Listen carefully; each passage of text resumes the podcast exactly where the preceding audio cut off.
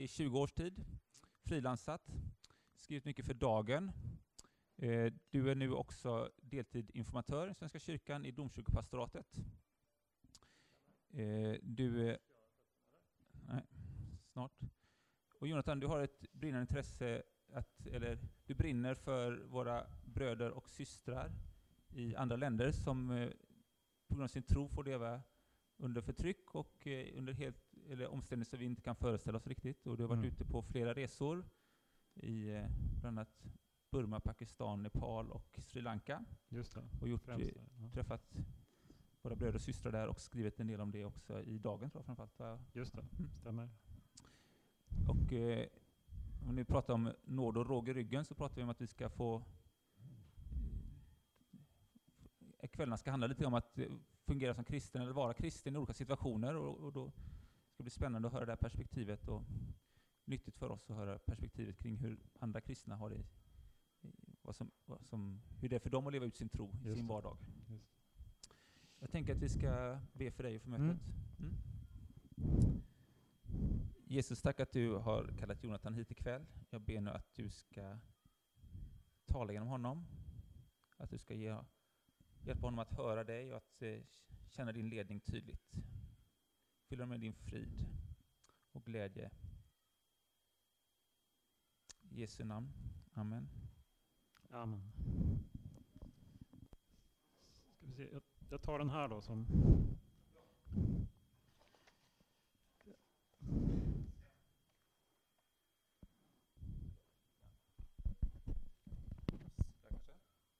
Bra.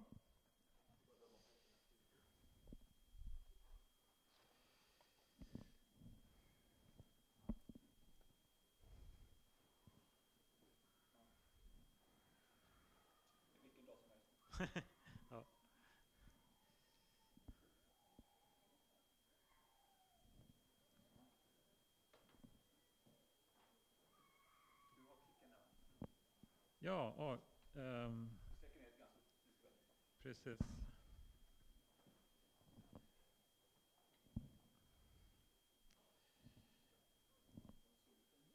Den här, nu ser det inte jättebra kanske, men den här killen på bilden här, han heter Akash Bashir. Och, uh, här på bilden är han inte så speciellt gammal, men det finns ingen annan bild på honom. Uh, det jag berättar om, då är han ungefär kanske 15 år gammal, sista som jag ska berätta om. Eh, Akash han bodde i en kristen stadsdel som heter Johannabad i Lahore i Pakistan. Det är en jättestor stad. Och han, han bodde i den här stadsdelen. Han bodde i ett enkelt hem som bara egentligen är ett enda rum, som många kristna bor i Pakistan. Och han hade bara ett eh, stenkast, 100 meter till eh, kyrkan som familjen gick till, en katolsk kyrka, Saint John i Lahore. Och eh, där var Akash, han var frivillig säkerhetsvakt i den här kyrkan. Hans mamma hade bett honom att han skulle sluta som där för att hon tyckte det var alldeles för farligt. Men Akash han sa, att han, han sa till sin mamma att han gjorde det för Jesus och för kyrkan, att han var frivillig säkerhetsvakt. Så den här söndagen så gick han som vanligt ut på morgonen och var, och var säkerhetsvakt. Så här ser det ut i kyrkan när jag var där. Men den här söndagen så, så fyllde kyrkan med folk, som de brukar göra i Pakistan. Det brukar ofta vara fullsatt i kyrkorna där och det var, det var ingen skillnad på den här söndagen. Um, och Akash var utanför. Och när kyrkan var fullsatt så stängde man kyrkdörrarna. Också den här, utanför varje kyrka finns det också en mur. Och så stängde man porten i den muren också. Men när, när allt var stängt och kyrkan var fullsatt, då kom det en man springande mot muren. Och som skulle klättra över där. Eh, och Akash såg det, han, han sprang efter mannen, han tog tag i mannen när han försökte klättra över. Och då började mannen ropa, mannen sa släpp mig, sa mannen. Men Akash sa, jag släpper inte. Men eh, Akash, han, eller mannen sa att släpp mig annars kommer du också dö. Men Akash, han släppte inte. Och eh, så här ser det ut efter bomben. Då. Den här porten som, som satt i den här i muren, den flög en 10-20 meter. Och eh, det man ser här, hålen är kulorna då, stålkulorna som har penetrerat, eh, penetrerat porten. Och samtidigt som det här terrorattentatet i Lahore, eller i, vid den här kyrkan, så var det också ett attentat samtidigt i en annan del av Johannabad, mot en annan kyrka. Men även där så var det frivilliga säkerhetsvakter som, som stoppade attentatet. Så att det var fem, 15 personer dog totalt, fast det är egentligen, om de inte de här vakterna hade stoppat det så hade kanske 100 dött, 200 dött. Um, som, som skedde nu senast i Sri Lanka till exempel. Så Akash han offrar alltså sitt liv för sina familj och vänner här. Um, och det här är hans pappa, Emanuel Bashir. Och eh, han och hans fru de sörjde sin son väldigt mycket såklart. Um, och det pappan ville förmedla till, när jag pratade med honom där, det han ville att jag skulle ta med mig till Sverige, det var att vi inte ska glömma dem, att vi ska fortsätta be för dem här i Pakistan. Och eh, han berättade också att eh, i första tiden var smärtan så otroligt stor för dem när de hade gjort den här förlusten. Men, eh, men nu sa han att de hade förenats med Jesus, med Jesus Kristus, och, och de insåg att de hade en uppgift nu. Och han sa att deras budskap, budskapet som Akash har gett oss är att vi ska vara modiga, även om det innebär att vi ger våra liv för Jesus. Um, så. Och jag vill säga att Ehm, jag är ingen expert på, på förföljda kristnas situation i hela världen.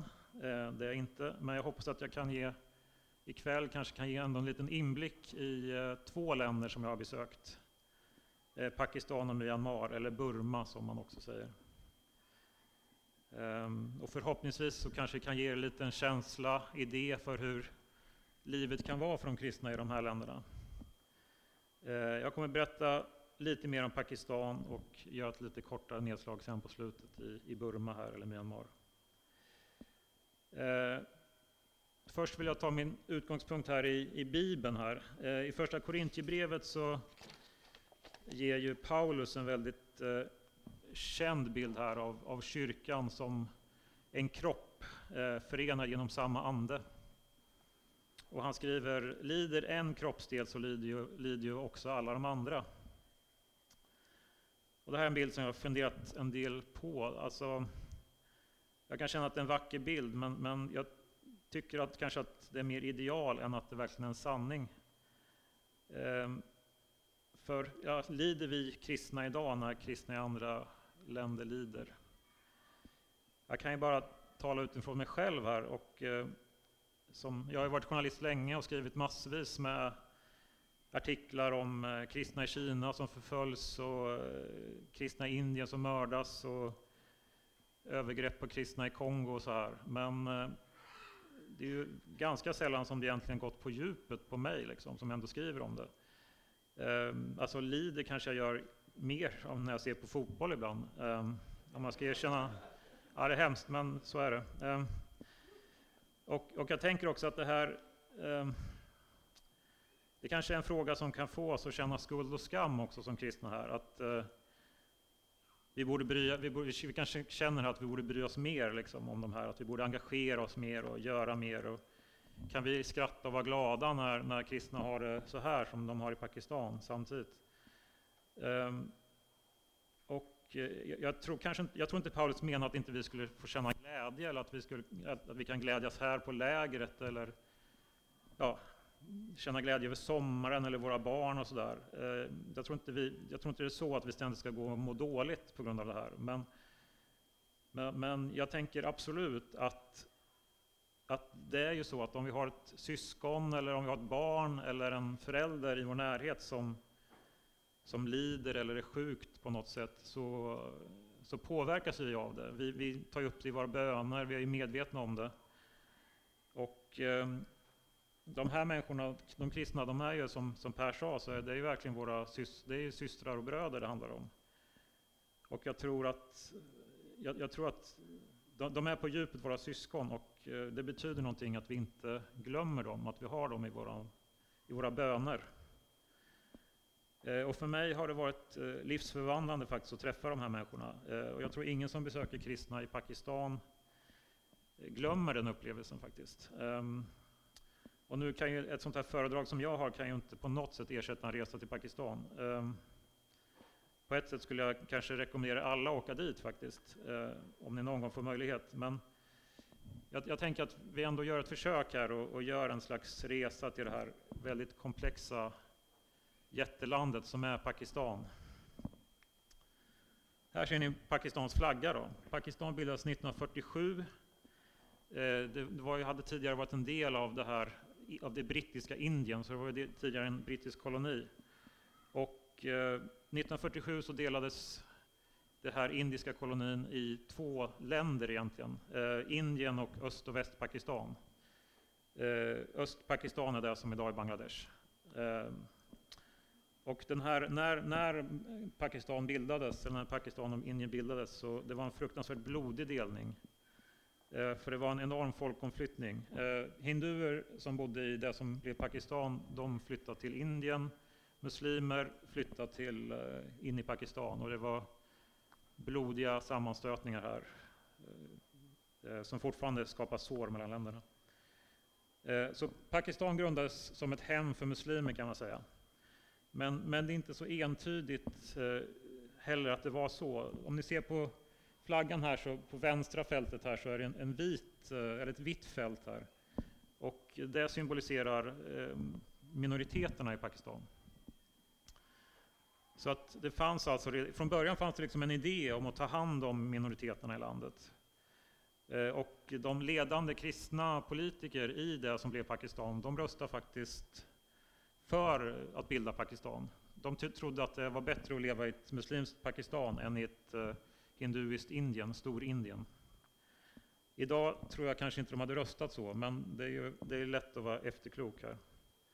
Och det, Pakistan är ett stort land, finns 200 miljoner invånare där. Eh, ungefär, jag har sett lite olika uppgifter, jag vet inte riktigt vad som stämmer, men mellan 2 och 4 miljoner av de som bor där är kristna.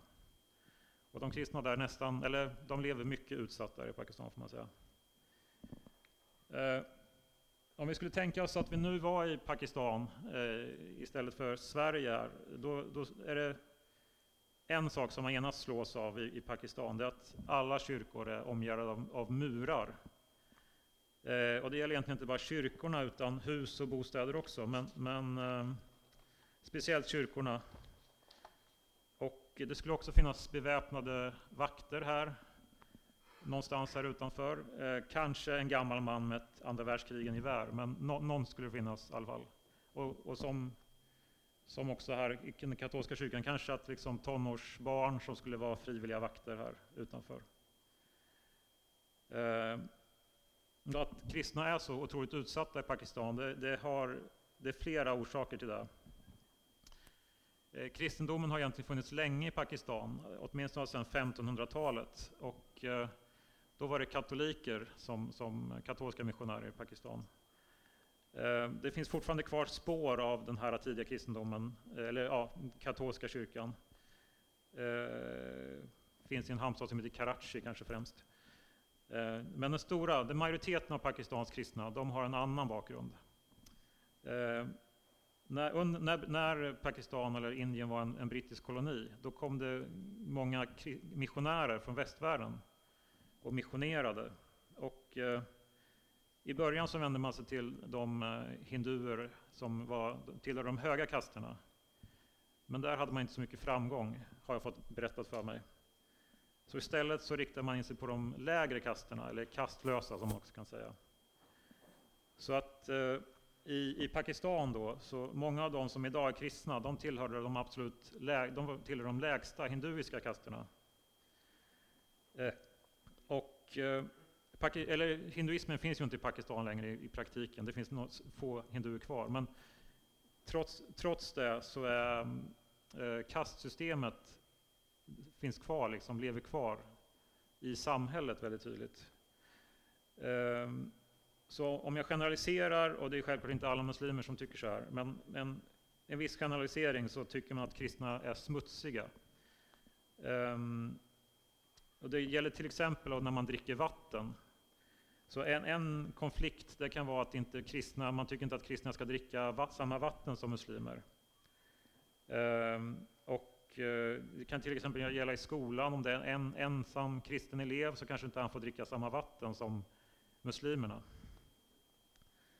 Ehm, men det handlar också speciellt om vilka arbeten man har. Ehm, det är ju så att i de lägsta kasterna så har man en speciell typ av arbeten. De, ofta de, de smutsiga arbetena, eller arbetena som det betraktas som städare och liknande. Så, och, eh, så det är likadant i Pakistan, att de kristna också ofta har de här lägsta arbetena. Eh, och eh, det finns, myndigheterna försöker på ett sätt hjälpa de kristna, till exempel genom att ge dem jobb. Men då är det ofta att myndigheterna erbjuder sådana här just städjobb och liknande, liksom, lägst, längst ner i samhället.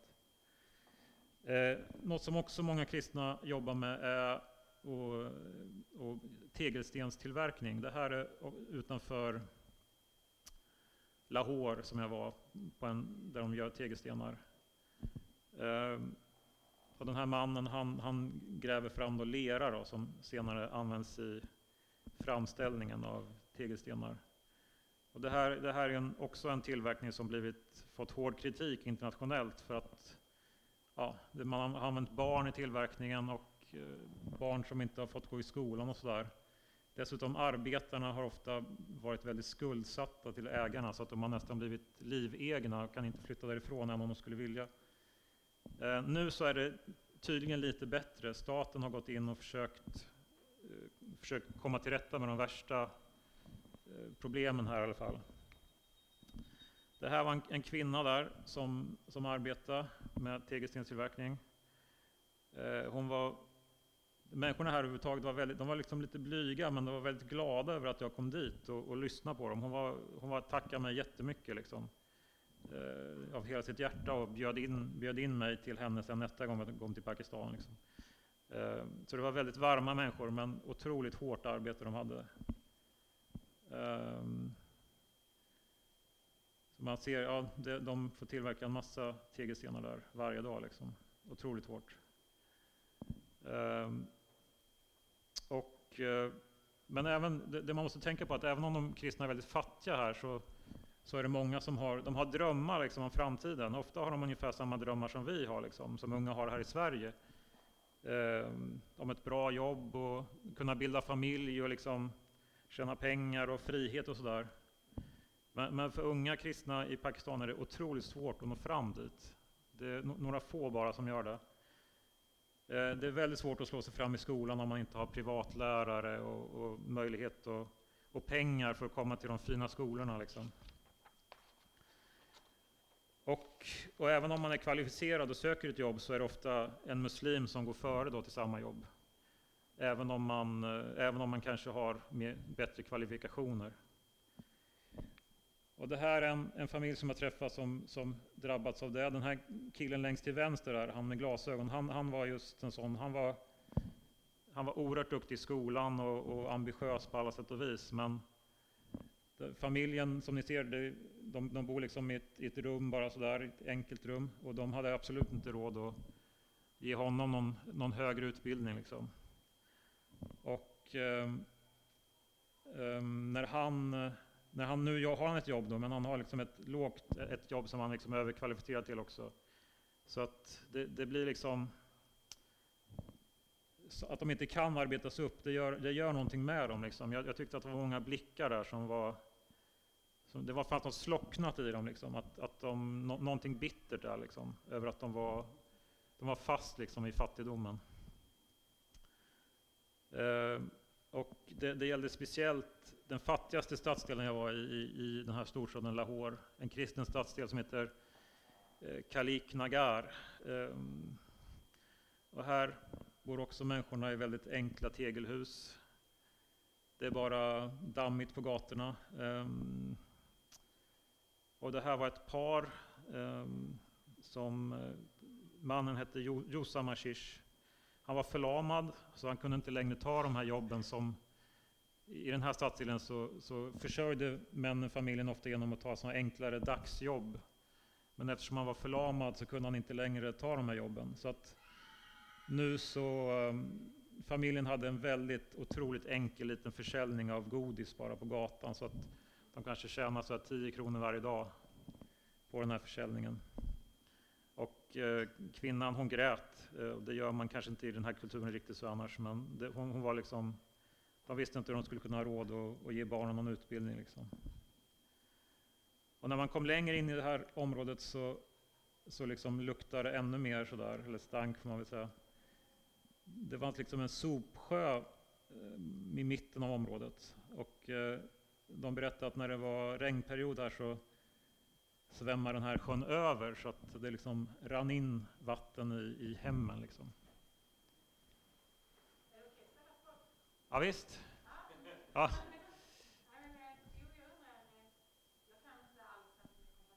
Nej. Just det.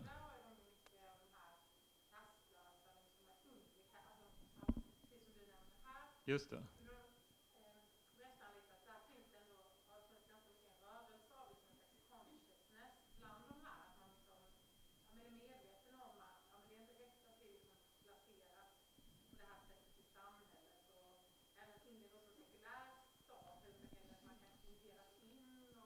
Ja, just det.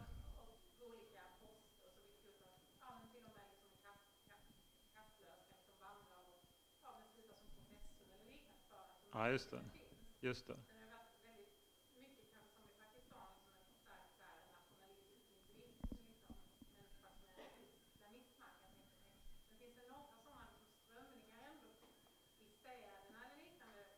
Ja, just det.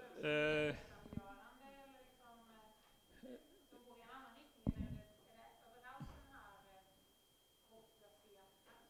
Ja, precis. Jag kanske kommer in lite på det. Men, men, eh, nej, alltså det jag såg så var det inte, det fanns inte liksom mycket av det, organisering egentligen. Uh, det var ganska, det var, jag, jag upplevde inte att det var som Indien liksom där. Det finns några men inte så brett liksom. Så. Uh, jag kommer in, kanske lite berör det sen. Um,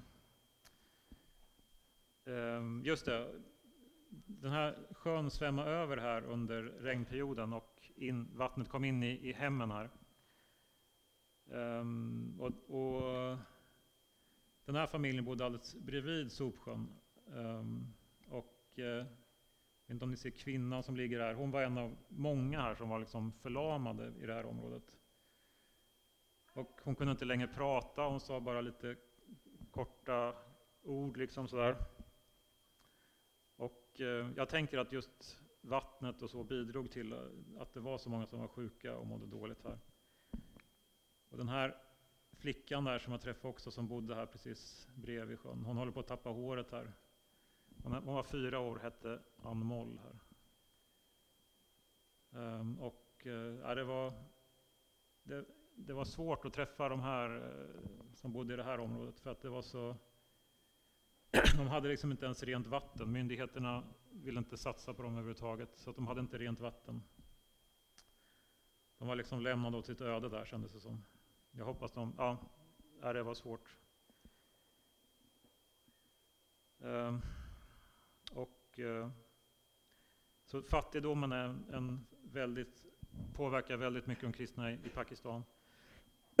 Ursäkta.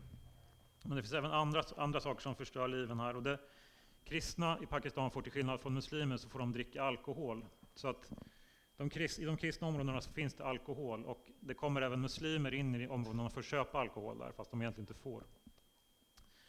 Så att eh, det finns liksom drogproblem i, i de kristnas områden också. Och då var, jag var, besökte ett annat område i Rawalpindi, som är en stad som ligger bredvid huvudstaden Islamabad. Och där träffade jag den här killen. Han är han är frikyrkopastor, eller pastor i alla fall. Eh, Sheba Gori heter han. Och han är pastor i en liten fri församling i den kristna slummen här. Och han berättade att de hade en väldigt svår situation där. Eh, han sa att de fick möta många saker. Det var trafficking, det var missbruk, männen har svårt att få jobb. Och ungdomarna de har ingenting att göra heller här i området. Eh, det finns inga idrottsplaner eller någonting. Och många av barnen går inte i skolan heller. Så fattigdomen påverkar på, på, på många sätt. Och en effekt är att unga kvinnor också säljer sex här. Så att många av de prostituerade i stan är, är kristna. och Sherberg sa att när en kvinna kommer hem med pengar till familjen så frågar inte föräldrarna var, de, var pengarna kommer ifrån. Och eh, det här var faktiskt Sherbaks pappa. Och eh, han, han var en av många heroinmissbrukare här som, i, i, i det här området. Jag, jag fick aldrig veta exakt några siffror, men heroin var tydligen rätt så vanligt här. De, de, det är ju precis bredvid Afghanistan, så det är ju, drogerna kom in i landet enkelt och kostar kanske några kronor också att, att köpa heroin liksom för en dag. Så att det inte ja, det är billigt, eller vad man ska kalla det. Eh, så att det var mycket som var misär i det här området, men, men den här killen ändå, han, han, gör att man känner hopp också för sådana här områden. Han, han är i och för sig en sån som organiserar, kan man säga. Det här, nu, han ville absolut att jag skulle ta en bild där på honom, eh, när han står framför vi, alltså vi tycker här, vad, vad, är det här liksom? Det är bara lite skräp och inte ens fyra väggar knappt. Men det här, är, det här är den kyrka de håller på att bygga. Och han var väldigt stolt och jag förstår honom för att det här var bara de i området som samlade in pengar för att bygga den här kyrkan. Så, och här hade han liksom planer, här skulle det bli en samling för ungdomar också, liksom, så att de skulle ha saker att göra. Och han hade liksom väldiga visioner där, och, och just att det var bara de fattiga här som gjorde den här förändringen. Så det, det var, ja, det, det, fick man lite positivt där. Men det finns fler faktorer som trycker ner de kristna. Och, eh, som jag var inne på i början här, så våldet är ju definitivt en sån faktor. Um, och det hör man ju i Sverige här också ibland, när det skett en attack mot kristna, kanske just en självmordsbombning som jag berättade om där. Och det här är ju, det är faktiskt, det är på ett sätt väldigt ovanligt att det sker. Um, det är inte så att kristna dör varje dag i Pakistan, att de är mördade varje dag i Pakistan. Men man lever med det här hotet hela tiden över sig. Eh, det, det kanske är svårt att förstå, men man har det liksom mentalt över sig hela tiden att det kan, det kan ske ett attentat när som helst. Eh, och det finns flera, flera olika typer av våld att oroa sig för också. Eh, och det mest uppmärksammade våldet är förstås de här attentaten. Då. Jag var där ett år efter attackerna, så var det en minneshögtid som jag var på just i Johannabad. Och eh, det var, människor hade gått man ur huset där för att delta i den här högtiden. Och det var även höga politiker och präster som var där. Och, och det som man ser är här några av släktingarna till offren, några släktingar till de här 15 som dog. Och när man är på en sån högtid där, då, då förstår man lite att vilka sår det skapar i, i samhället, det här våldet. Och eh, ja, det, det, skadar liksom hela gemenskapen i samhället.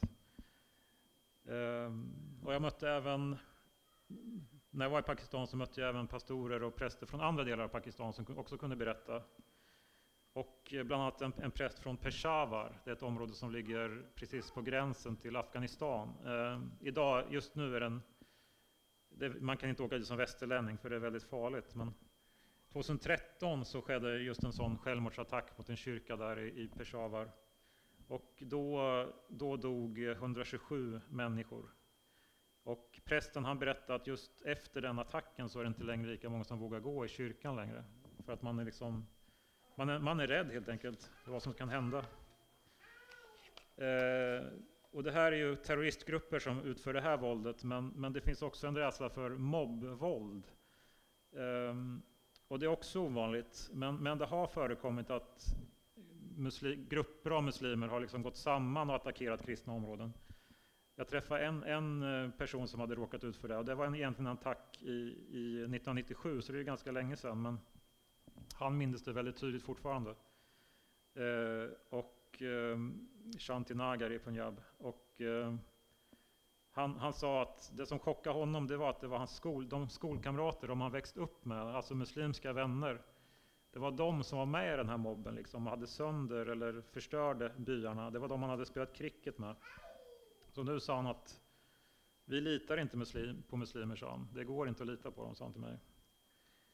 Och Eh, fastän det här, sånt våld är eh, ovanligt så, så, finns det liksom, man är rädd för att det liksom en liten gnista ska tända det här och det ska komma en mobb och, och attackera en spy eller sådär. Och sen finns det också ett våld som är riktat eh, mot kvinnor, eh, speciellt i Pakistan. Eh, det, så kan det vara i Sverige också, eh, absolut, men, men, läget är ännu allvarligare i Pakistan.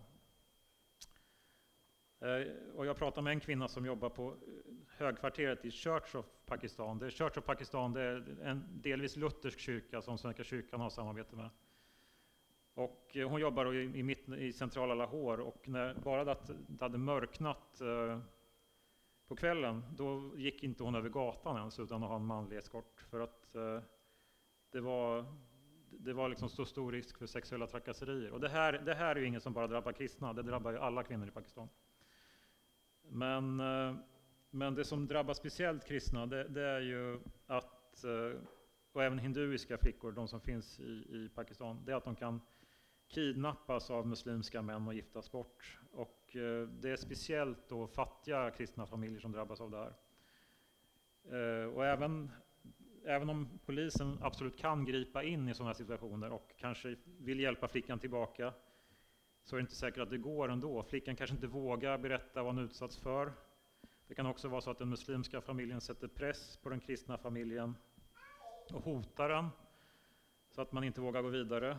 Och sen finns det ju förstås också kristna flickor som, som konverterar frivilligt, som ser det som en väg ut ur fattigdom. Och det kanske också var kärlek förstås. Um, men, och sen den tredje tredje faktorn som verkligen påverkar kristna i Pakistan, det är den här hädelselagstiftningen som finns i landet, som det också rapporteras om en del, som ni kanske hört någonting om. Ehm, och det är, ju, det är en lag som egentligen britterna stiftar faktiskt på kolonialtiden, för att inte, eh, för att inte olika religioner skulle bli kränkta. Sådär. Men i Pakistan så har den här lagen skärpts. Så att eh, den är väldigt hård nu och den har liksom kombinerats med den här tendensen i muslimska länder att verkligen straffa hädelse stenhårt. Eh, så att den här lagen skapar en väldigt stor rädsla. Eh, och då inte bara bland kristna, det är också många muslimer som de drabbas av den här lagen faktiskt. Oj, ursäkta. Det här är en, en kristen kille som jag träffade, Amer heter han, som jag träffade i Lahore. Och eh, hans fru i bakgrunden där heter Anum. Det här var, de var tysta, blyga människor, de tog inte någon stor plats alls. Men eh, de, de, var väldigt rädda för det här med att bli anklagad för hädelse. Det var en skräck för dem verkligen. För, och han, Amer sa att det var någonting han tänkte på jämt.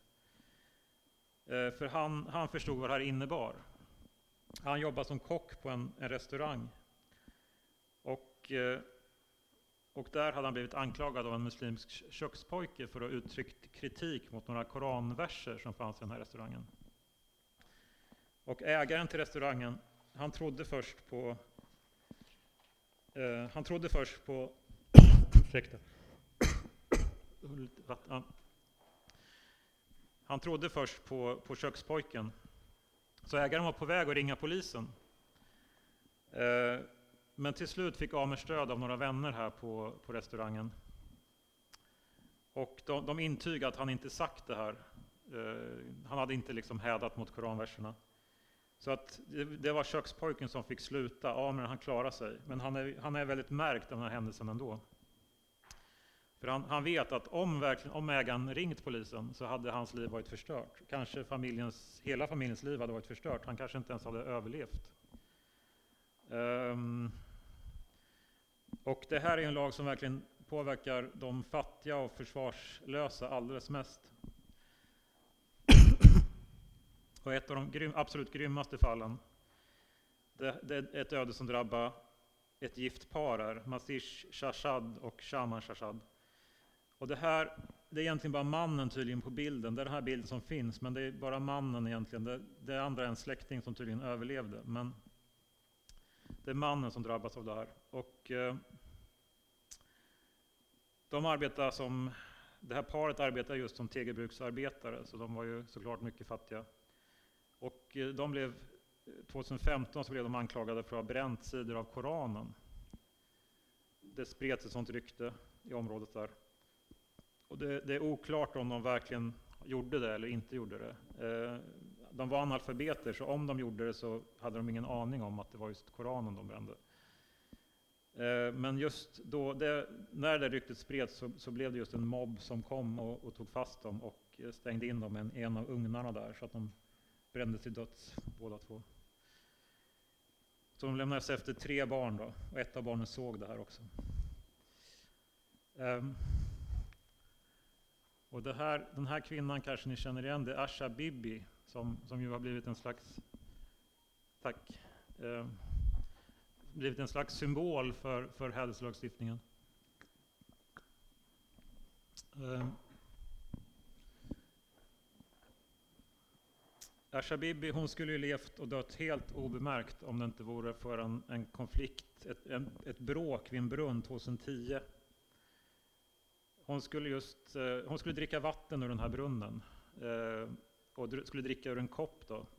De muslimska grannkvinnorna, det var en liten konflikt innan, men de ville inte att de skulle göra det. Och det var ju det här, antagligen den här fördomen om att kristna är smutsiga liksom och sådär. Och eh, efter den här konflikten vid brunnen så... Eh, tack. Eh, efter den här konflikten vid brunnen så, så gick granna, grannarna gick till polisen och sa att Ashabibi hade uttryckt, uttryckt sig nedsättande om, om Muhammed, så att hon greps av polis. Och, eh, men hennes fall blev också uppmärksammat i, i omvärlden väldigt tidigt. Så att, eh, eh, omvärlden tryckte på för Ashabibis skull. Och även i Pakistan så höjdes det faktiskt röster för Ashabibi. Eh, det här är en lite suddig bild, men det är en, eh, en, en, liberal muslimsk guvernör som hette Salman Taseer. Och han var en av de som, han vågade kritisera hälsolagstiftningen och han vågade, eh, och han vågade stötta Shabibi också. Så att det finns absolut muslimer som, som stöttar de kristna, det gör det. Eh, men eh, det var, också, det var många som blev arga på honom för att han vågade uttrycka det här. Så att, eh, den 4 januari 2011 så var det en av hans egna livvakter, Malik Kadri, som drog sitt vapen och sköt honom i ryggen här. Eh, och eh, man kan ju tycka att det var ett extremt fegt dåd att eh, skjuta, att som livvakt mörda den man ska skydda och dessutom skjuta honom i ryggen till och med. Ehm, men Kadri, han blev faktiskt en hjälte här för många i Pakistan för att han hade gjort det här. Och det här, här ser man Kadri på väg till, eh, ja, jag vet inte om det är på väg till eller från domstolen. Ehm, så när, men när han, skulle, när han skulle dömas, eller när han skulle, hans fall skulle komma till uh, rätten, då, då var det till då, advokaterna mer eller mindre slogs om att få representera honom, eftersom man såg honom som en hjälte. Eh, till slut så dömdes han faktiskt till döden eh, och han har avrättats nu. Men i Rawalpindi, just, just den här staden som jag var i, så, så finns det, och som ligger, man måste, den ligger alltså precis bredvid huvudstaden Islamabad. Men i Ravalpindi så finns det en, idag en moské som är uppkallad efter Kadri här. Och den är tydligen väldigt populär till och med. Och eh, det, alltså det, det, här är svårt att förstå. Jag, jag, tänker att det är ungefär som om en kri, grupp kristna i Sverige skulle hylla alla Anna Linds mördare, Mihailovic, om man skulle liksom bygga en kyrka i Södertälje till hans ära. Det är ju helt obegripligt. Det skulle inte hända i Sverige. Men i Pakistan är det liksom... Eh, I Pakistan händer det sådana saker. Så. Men Asha Baby hon blev faktiskt fri till slut som ni kanske hört. Eh, många, hade inte, många trott att inte staten skulle våga släppa henne fri. Men det gjorde man, så hon ska befinna sig i Kanada nu. Och hennes advokat har också fått fly landet här. Och eh, när hon frikändes här så blev det, det blev stora demonstrationer i, i, hela, i de största städerna i Pakistan. Um, och eh, de kristna var väldigt rädda då att det skulle bli attacker mot dem, men, men polis och militär lyckades faktiskt förhindra det här mobbvåldet mot dem. Uh, och, men, men den här hälsolagstiftningen, så den kommer antagligen finnas kvar in, inom överskådlig tid, för att de jag pratade med i Pakistan, de trodde inte att det fanns, det fanns ingen demokratisk regering som kunde ta bort den här lagen för att den har så stort stöd i samhället. Och eh, jag förstår inte riktigt det själv och kan inte heller riktigt förklara riktigt varför stödet är så stort. Men, men på något sätt finns det liksom en rädsla bland muslimer att liksom minsta avsteg eller minsta kritik liksom mot islam eller så ska på något sätt rasera hela kulturen, hela ja, islam skulle falla sönder direkt. Liksom. Det, det, ja, det är väldigt svårt att förstå. Eh, och eh, det här är Church of Pakistan, det är en, deras kyrka i Lahore här. Och eh, ja, precis, din fråga här, liksom, lite hur hanterar man situationen här? Att det, det är mycket, de kristna biskoparna och prästerna är mycket ledare i samhället där, men, men som, som jag upplevde i Pakistan så fanns inte den här eh, det fanns inte riktigt den här förmågan med gräsrotsorganisation och sådär. Det fanns ju förstås ledare så som ville ändring, men det var ganska eh, vad säger, e-, egna röster som hördes lite här och där, men inte någon riktig organisation. Liksom så. Och eh, Church of Pakistan, då, som jag sa, de får stöd av Svenska kyrkan för, för att arbeta här. Och eh, de, deras strategi, i alla fall ledningens strategi, för att mildra motsättningarna, eh, det var att arbeta med religionsdialog. Eh, och på den konferens som jag deltog i så fanns det då fanns det biskopar där som just menade här att alla religioner egentligen tillber samma gud. Och de uttryckte sig väldigt positivt om islam. Och mitt intryck då var att deras strategi det var liksom att framhålla för muslimer att vi är ju nästan likadana som ni är. Vi, vi tror ju på samma gud och, och så. Och man försökte vinna sympati på det sättet. Och jag, jag, vet inte riktigt om det var deras ärliga syn på islam. Um, det kom fram andra präster och pastorer och liksom ville prata med mig efteråt. Och de höll, höll, inte alls med om den här bilden av islam som deras biskopar målar upp här. Och de var väldigt mycket mer kritiska. Eh, samtidigt såg de då värdet av religionsdialog om det kunde få muslimer att bli mer välvilliga till dem. Eh, men, men de, det var tydligt, de litar inte på imamerna, de litar inte på de muslimska ledarna. Om man talar med fatta, fat, de fattiga kristna så var det ännu mer, de, de kanske inte kunde säga det rakt ut, men man förstod ändå att vad de kände kanske för islam innerst inne och det var, det var inte något positivt som de förknippade med. Eh, och ehm, det var, det var svårt att se tydliga ljusglimtar eller ty, tydliga, tydligt ljus här för de kristna i Pakistan. Eh, som Indien kanske ni känner till har ju en väldig ekonomisk tillväxt och haft i några år. Så att det, där lyfts ju många ut ur fattigdomen på grund av det. Men Pakistan står mer och stampar och de har till och med en ekonomisk kris här. Så de behöver hjälp av Världsbanken nu för att, för att klara sig överhuvudtaget. Eh, så att det finns liksom, ekonomin i sig hjälper inte de kristna upp ur fattigdomen. Och eh, ja, det är svårt att se att deras situation skulle liksom förändras radikalt till det bättre här på, på något, inom den närmsta tiden. Alla de fattiga som jag pratar med eh, skulle ju lämna landet så fort de bara kunde om de hade liksom en möjlighet. Men det har de ju ingen chans att göra. Um, jag, inför det här föredraget så pratade jag med en vän jag har där i, eller Skype, eller på Messenger med en vän jag har där i Pakistan. Och han, det han pekar på, det han trodde på är just det här med utbildning. Då, om enskilda begåvade kristna kan få chansen att liksom utbilda sig och göra karriär så skulle det kunna påverka hela, hela gruppen. Liksom. Um, men uh, men det som också är viktigt är ju faktiskt att om, vi i omvärlden kan ju faktiskt påverka Pakistan. De, de, är faktiskt känsliga för kritik. Det var ju som Asha Bibi, det var ju mycket omvärlden säkert som räddade henne från döden helt enkelt för att man tryckte på.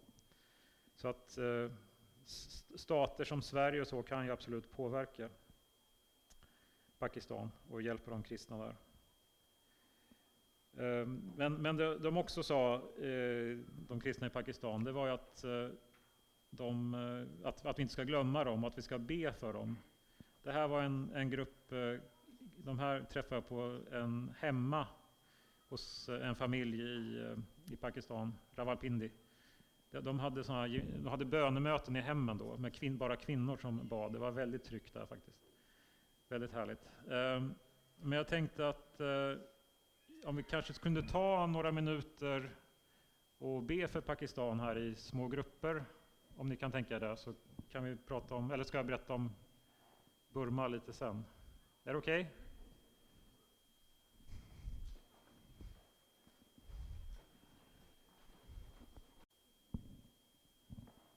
Tack. Tack, ni får ju förstås jättegärna fortsätta att be sen såklart. um,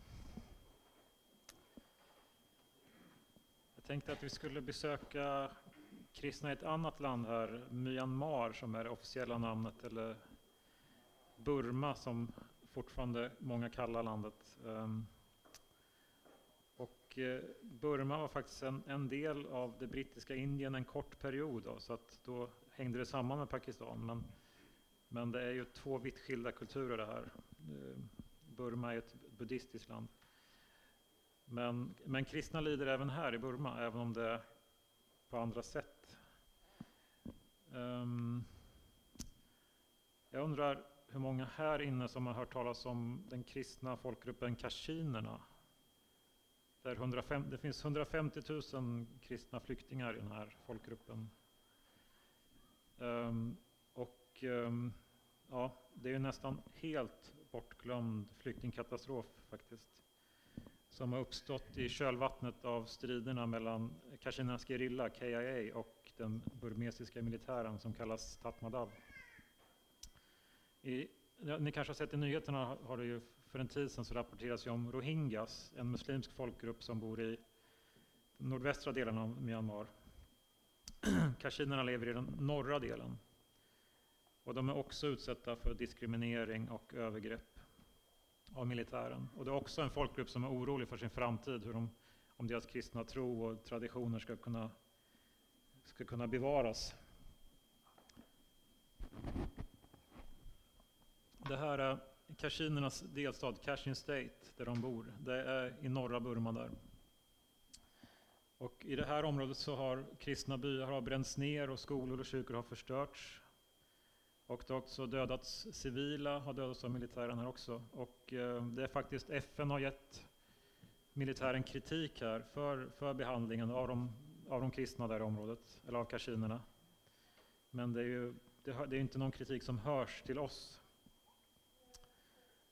Och eh, det först då tänkte jag att vi gör ett nedslag här i ett flyktingläger i, i eh, som det finns många av Eh, I Kashinernas område så är det staden Michina som är själva huvudstaden.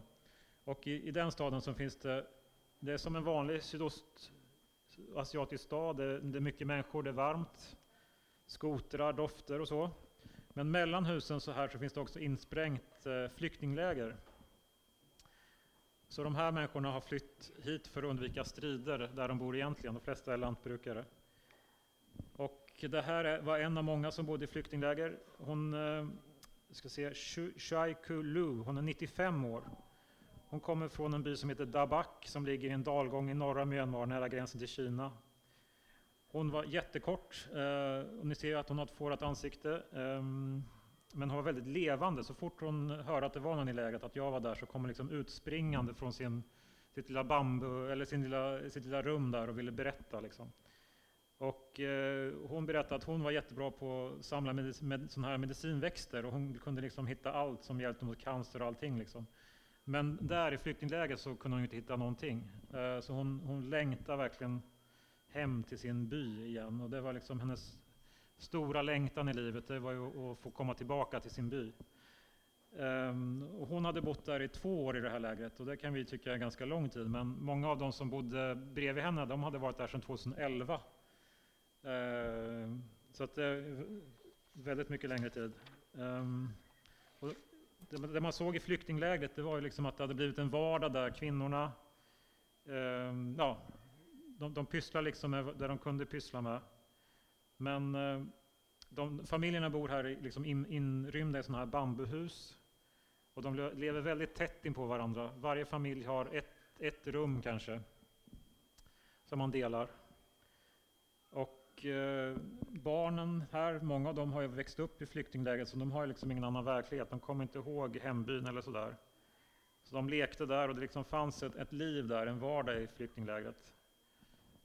Men, men det var mycket som inte gick att vänja sig vid. Den här tjejen, eh, Dingsi Huya, hon var 26 år när jag träffade henne. Hon hade varit flykting sedan hon var 20. Eh, hon var egentligen student, men nu i flyktingläger så hade hon liksom ingen möjlighet att studera. Så att, eh, hon bara väntade på att kriget skulle ta slut. Eh, och hon kände sig otrygg där. Kanske inte, hon var kanske inte rädd för människorna i lägret, men att hon var rädd att det skulle liksom komma in någon eller sådär. Dessutom var det att det var jättetufft att vara där som ung vuxen, liksom, för att de har alla delar samma rum. Det var liksom en sån här självklar grej som vi kan tycka att byta om. Liksom. En sån sak var svår eftersom det var, ja, det var så trångt med så mycket folk. Um, och det här är en fembarnsmamma, eh, Jaha Kun. Hon levde också, man ser lite rum, det enda rummet de hade är det som man ser bakom dem där. Um, hon längtade också hem till sin trädgård, till sitt lantbruk. Och när jag var där så var det höst, det var liksom inte alls högsommar, men det var otroligt varmt ändå i det här flyktinglägret.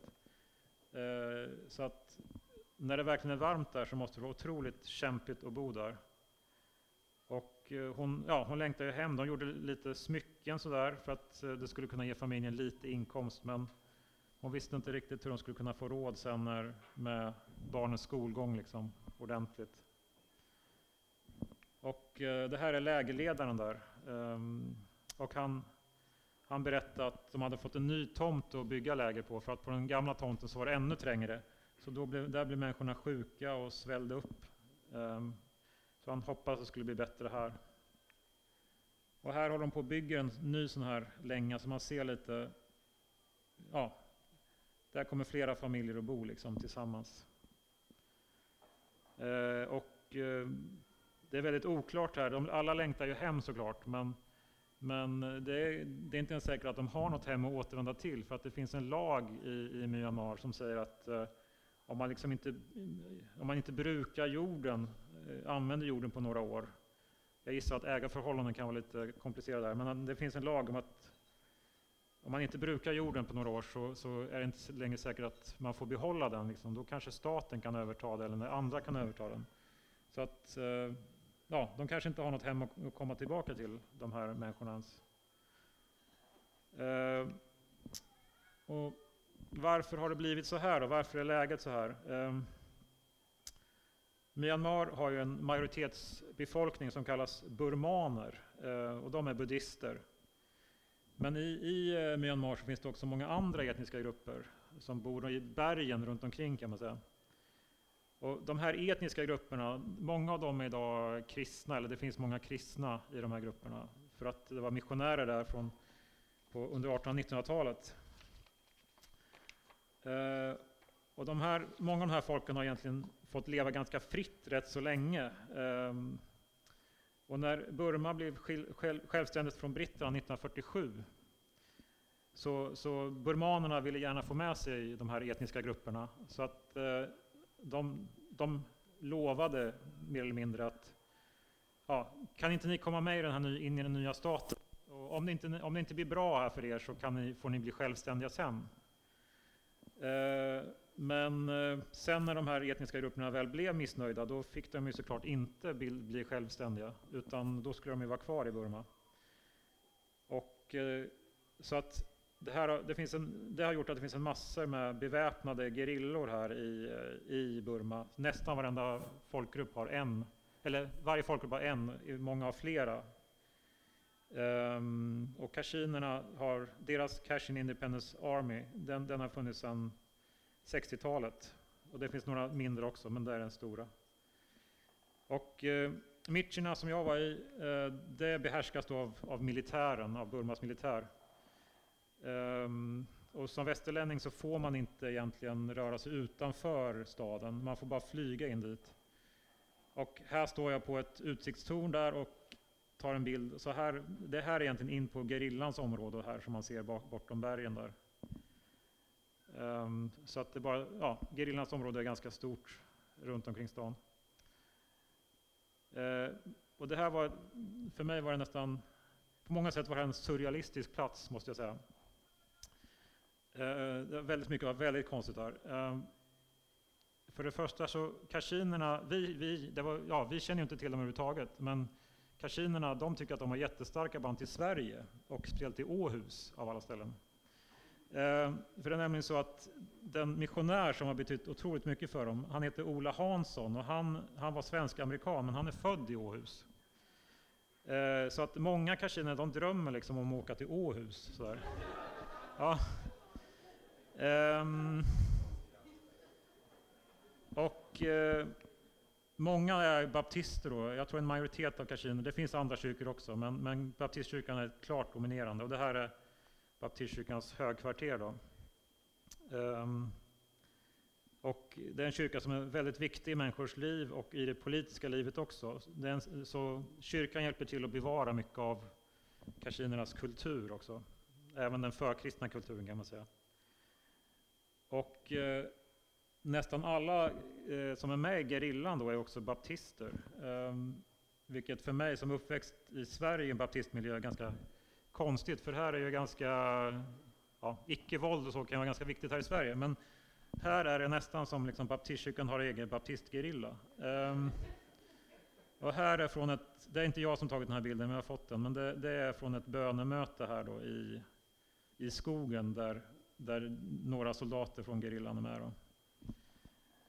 Um, och jag såg ju inte striderna på något sätt, och det är, det är, inte så att det strider hela tiden. Det är ganska, på ett sätt ganska lugnt. Men jag, jag såg, var inte inne på gerillans område eller sånt där. Men jag kunde ju se ändå liksom hur, hur um, Burm, eller den buddhistiska kulturen tog över och sådär. Det här är ju ett, ett tempel här i Michinad. Att man, man bygger Eh, man bygger tempel och pagoder och så här på områden som kashinerna tycker är sina egna. Liksom. Där bygger man buddhistiska symboler. Och man är väldigt upprörd över det. Och man, man, eh, det här är också en del av landet som är väldigt rikt på råvaror. Så eh, man tycker också att det, det kommer andra utifrån och tar, tar råvaror och sådär för dem. Och, så man är väldigt bitter på det, att militären och andra tjänar pengar på dem, liksom, tycker man. Och den här kvinnan står, står, i mitten där mellan soldaterna. Hon heter Senja. Um, ehm, hon är, egentligen, eller hon är baptistteolog. Hon är lärare vid, vid det här teologiska seminariet som baptistkyrkan har i stan. Och eh, jag, hon, verkar vara, jag fick inte, jag, hon hjälpte mig väldigt mycket. Jag fick aldrig riktigt klart exakt vilken roll hon hade där i samhället, men hon verkar, verkar vara en väldigt stark ledare. Um, och hon sa att de stjäl vårt land, alltså militären och de andra, men inte bara det utan även våra naturresurser och vi behandlas som slavar och flyktingar i vårt eget land. Så. Och den skolan där hon arbetar på, det, det är den enda skolan där de kashinerna får tala sitt egna språk. I de andra skolorna så måste de tala burmesiska. Det är ju liksom, visar ju att kulturen trycks tillbaka. Och ett, ett stort problem i det här området är drogerna. Eh, om ni vore föräldrar i Kashin här, då skulle ni vara väldigt oroliga för att era barn skulle börja med droger. Eh, jag fick berättat för mig, kashinerna, det är lite svårt att uppskatta, men kanske en miljon kanske med det folket. Men sex, 60 000 av de unga eh, kashinerna använder olika typer av droger. Ehm, och jag, jag, fick universitetet, alltså inte, inte baptistseminariet, men universitetet i den här stan fick jag höra att på rasterna där, så om man tittar i, går in på toaletterna så finns det liksom sprutor där för att eller studenterna har tagit knark på rasterna. Eh, det här, det här är ett område som ligger mitt i den här så kallade gyllene triangeln. Eh, som är ett av de stora drog, där droger, ett av de stora områdena i världen där det produceras droger. Och många av kashinerna de tror liksom att Burmas militär använder drogerna för att eh, förstöra det kashinska folket, att liksom det är en medveten strategi. Eh, jag vet inte om det är så, jag kanske inte riktigt tror att det är så medvetet gjort, men, men eh, det är i alla fall så att det här är ett otroligt korrupt område också. Så att, um, det, det, är absolut så att det finns militärer som tjänar jättemycket pengar på drogerna. Och det finns även gerillor som tjänar pengar på drogerna. Ehm, men här också är faktiskt baptistkyrkan aktiv. Tillsammans med andra eh, kristna kyrkor här i området så har man startat en, en milis, eh, eh alltså inte en gerilla utan en milis som heter Patjasan. Och det är, och syftet med den här milisen är att krossa eh, drogmissbruket. Och här, det här är en demonstration som vi ser mot den. Och om, om vi tänker att det här var en baptistkyrka vi var i, i Kashin, då skulle vi kanske faktiskt ha en sån här eh, mur också här utanför här någonstans. Ett inhägnat område. Eh, och där i det här inhägnade området så skulle det sitta massa killar. Eh, för Patjasan de ordnar inte bara sådana demonstrationer utan de, de, eh, de också tar till ganska extrema åtgärder för att komma till rätta med drogmissbruket. Eh, det fungerar så att Eh, föräldrar kan ringa till Patjasan om de har en, en, ett barn som missbrukar och så kommer Patjasan San eh, och tar, arresterar helt enkelt den här killen, eh, oftast en kille, och tar med honom till ett sånt här center. Och, Ibland protesterar de här missbrukarna, men de sa att efter, även, även om de är missbrukare så är de kristna, så de respekterar kyrkan. Och när de här killarna kommer in där då får de genomgå en hälsoundersökning. Eh, och många då har hepatit eller hiv. Och sen får de rådgivning och gratis mediciner sen. Jag var inne i ett sådant center och, center och det var väldigt lugn stämning. Det var ingen aggressivitet direkt, eller det var ingen aggressivitet alls faktiskt. Eh, det här, den här buren, en träbur här, eh, det är den, de, första veckan så får de sitta liksom i den här buren och avgiftas så det är liksom ganska, brut ja, det är ganska brutala metoder. Um, men när jag kom dit, det var ingen som satt i buren då när jag kom dit. När jag kom dit så hade de precis avslutat bibelstudierna för dagen här. Det är väldigt mycket bibelstudier på, på det här centret. Och uh, så sjunger de lovsånger också. Och spelar en del fotboll. Um, så det här var en, en av killarna jag träffade där. Um, hans historia, jag tar lite av den, den, den, den är liksom, verkar vara ganska typisk för hur det gick till, hur det går till för dem. Han berättar att han började med att leta efter jade i gruvor, eh, såna illegala gruvor som finns där i Kashin, för att få pengar till familjen. Och så ville han, han ville arbeta dygnet runt, eh, eller han ville arbeta mycket, så då började han med amfetamin för att det hjälpte, då kunde han arbeta mycket. Ehm, men eh, efter ett tag, så fick, och då fick han ta droger också för att kunna koppla av. Men till slut så fungerade han inte. Liksom. Han, bråderna, eh, drogerna eh, bröt ner honom och han kom hem till familjen. Han började med heroin och blev ju ännu sämre. Uh, han började liksom ta pengar från familjen för att kunna köpa droger. Och hans vänner övergav honom. Hans uh, familj övergav honom och han tyckte det var meningslöst. Sen blev han arresterad av Patjasan och eh, nu var han liksom, första veckan var tuff, sen, sen verkar han liksom rätt så nöjd där. Han, han tackar Gud att Gud hade hjälpt honom. Eh, och han hoppas kunna undvika droger i framtiden. Och drömmen är att läsa teologi och bli pastor. Jättemånga ville bli pastorer av dem faktiskt. Eh, och det här är Lasam Lakhtav, han är näst högste ledaren i Patjasan. Ehm, när jag träffade honom så satt han bara i ett vanligt eller i ett vanligt hus, helt ensam. Inga vakter, ingenting.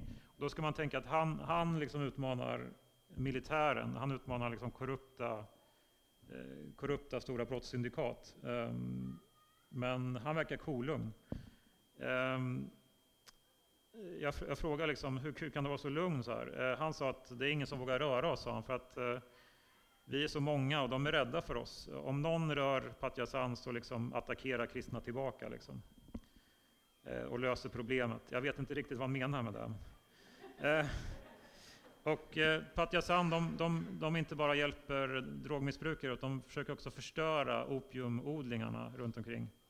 Och de är alltså obeväpnade. Ehm, det här är, när de, det är inte jag som tagit den här bilden heller, men här, de ber, här är det Patjasan som ber inför att de ska liksom förstöra opiumodlingar. Och det är absolut inte ofarligt. Um, vid ett tillfälle så när de gick ut så var det de bönderna hade gått samman då för att försvara sina odlingar. Då, då dödade de en av Patyasans medlemmar.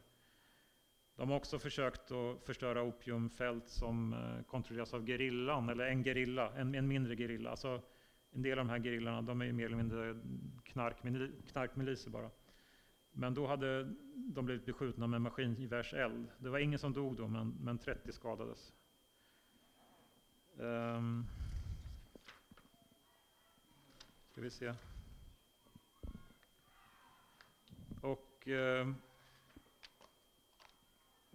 jag, jag, skulle säga att det var stor skillnad på kashinerna om jag jämför med pakistanierna här. Att, uh, kashinerna de var mer stolt nationalistiska och som jag berättat om så de, de organiserar sig, de, de vill verkligen kämpa. Ehm, eh, sen Sen deras, Kashinas drömmar, de drömmer fortfarande om att ha en självständig stat.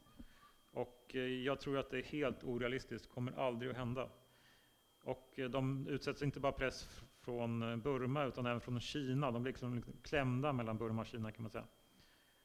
Ehm, så att det, det är väldigt svårt att se framtiden här också.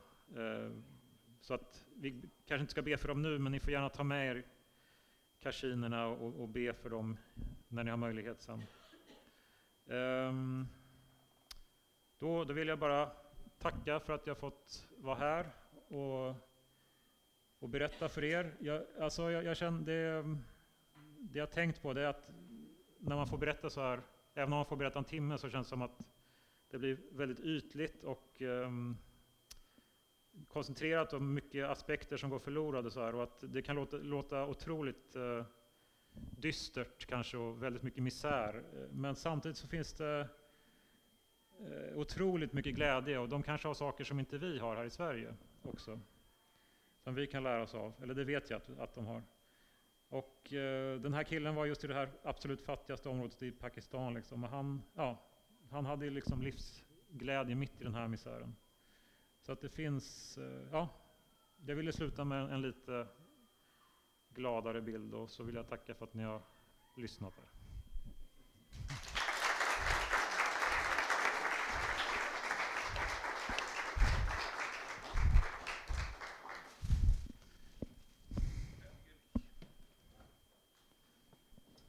Tack, tack så jättemycket Jonathan. En liten grej här ja, som du kan ta med tack. till dela med familjen. Tack. Eller med hemgruppen kanske. Ja, just det. Ja. tack.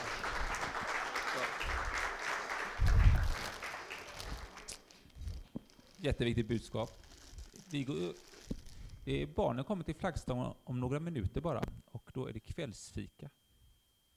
Och Jonathan är kvar över fikat, ja, så ta gärna tillfället i akt och prata vidare med honom.